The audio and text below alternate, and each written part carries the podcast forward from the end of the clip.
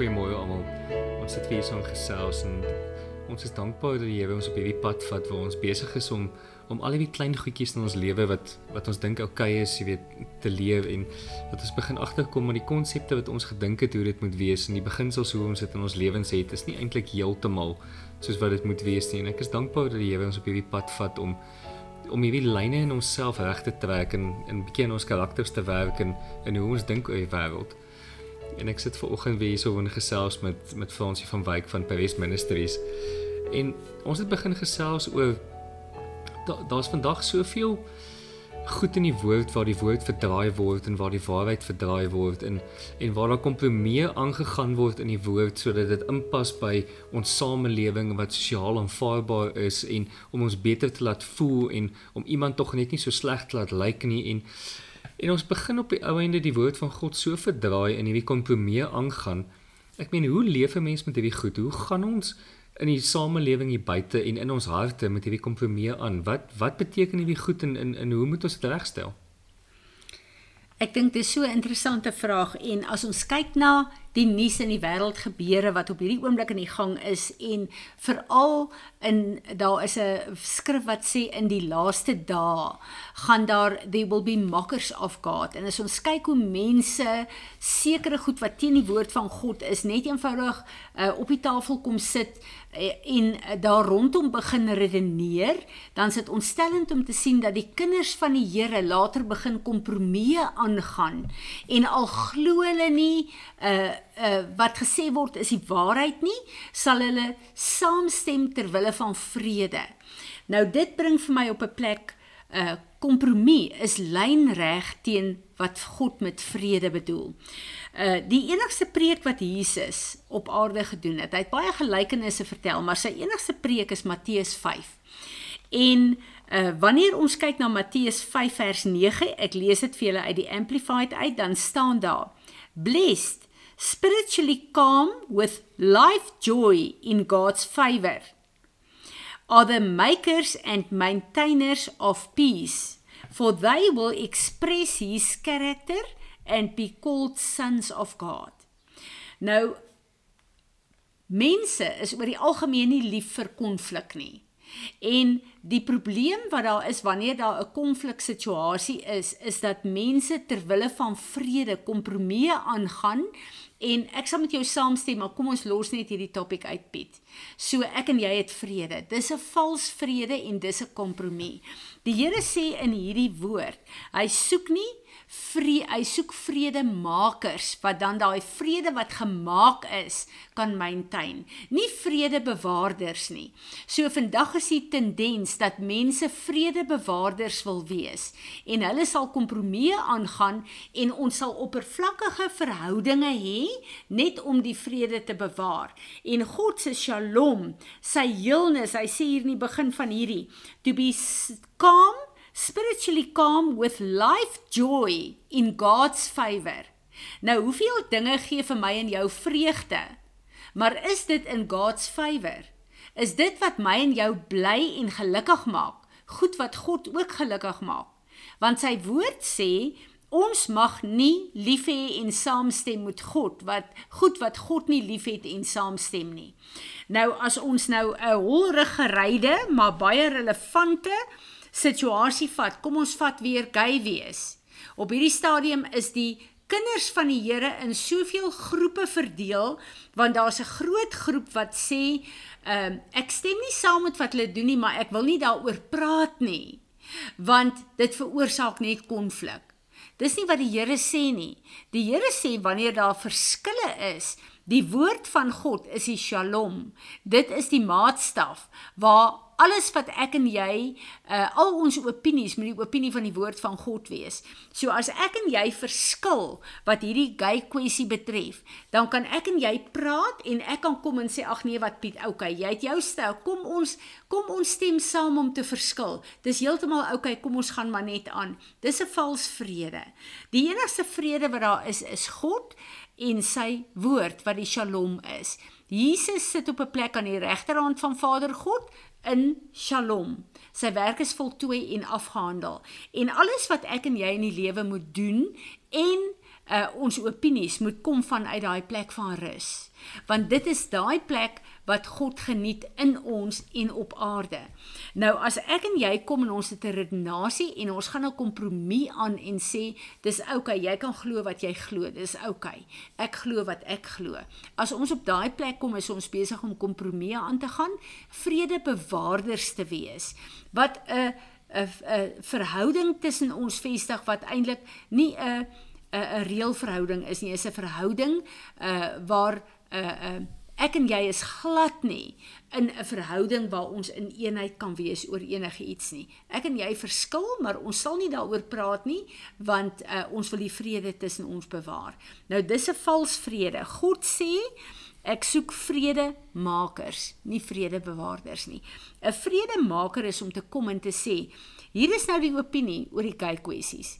Kom ek en jy Piet kyk na wat is God se opinie. Ek en jy gaan in sy woord in, ons kyk wat God sê, want Jesus, die prins van vrede, is die lewende woord. So ek en jy se opinies moet rondom wie hy is en wat sy opinie is, wat sy woord is kom. So dan moet ek op 'n punt kom as ek was vir die keis en jy was daar teen, moet die Shalom van God, die die prins van vrede, Jesus moet kom en sê, "Goed, Piet, jy het jou opinie, Fransie, jy het jou opinie. Hier is my opinie, die woord van God." Dan moet ek kan kom en sê, Heilige Gees, ek sien ek was verkeerd. Ek was teen U en waarvoor U staan in die gay kwessie. So ek kom humble myself en ek kom vra vergifnis en ek laat U woord nou kom om die vrede in my te herstel. Nou is my opinie oor hierdie kwessie is nou die opinie van God se woord. En jy kan kom en sê uh, Fransie, dit is my opinie en my standpunt. Dit is gebaseer op die prins van vrede, Jesus Christus en sy woord. En nou skielik is daar vrede gemaak. Ek en jy is op dieselfde vrede van die prins van vrede. En nou het ons hierdie konflik wat tussen ons is. Ons het al die kompromieë uit die weg uitgeruim en ons het nou op die waarheid, die enigste waarheid wat daar is, het ek en jy in 'n unity gekom. En dit is die vrede wat God soek in die wêreld want waar Jesus sit, hy sit aan die regterhand van Vader God. Sy werk is afgehandel.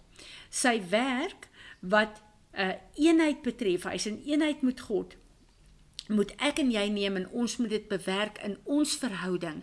Die wêreld gaan nie met ons in eenheid kom nie, want die wêreld hoef nie die woord van God te gehoorsaam nie, maar in die liggaam, ek en jy kan nie kompromieë aangaan nie. Ons moet vredemakers van God wees en nie vredebewaarders nie.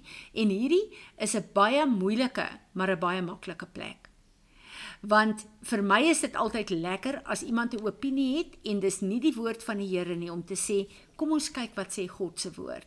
En gewoonlik wanneer ons God se woord rondom 'n kwessie oopmaak, As jy dan 'n opinie teen die woord van God het, dan jy 'n probleem.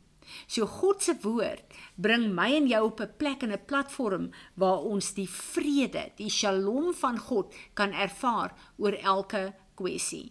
En wat so lekker is hieroor Piet is dat daar is nie een vraag wat ek en jy wat het wat nie geantwoord kan word uit die woord van God uit nie.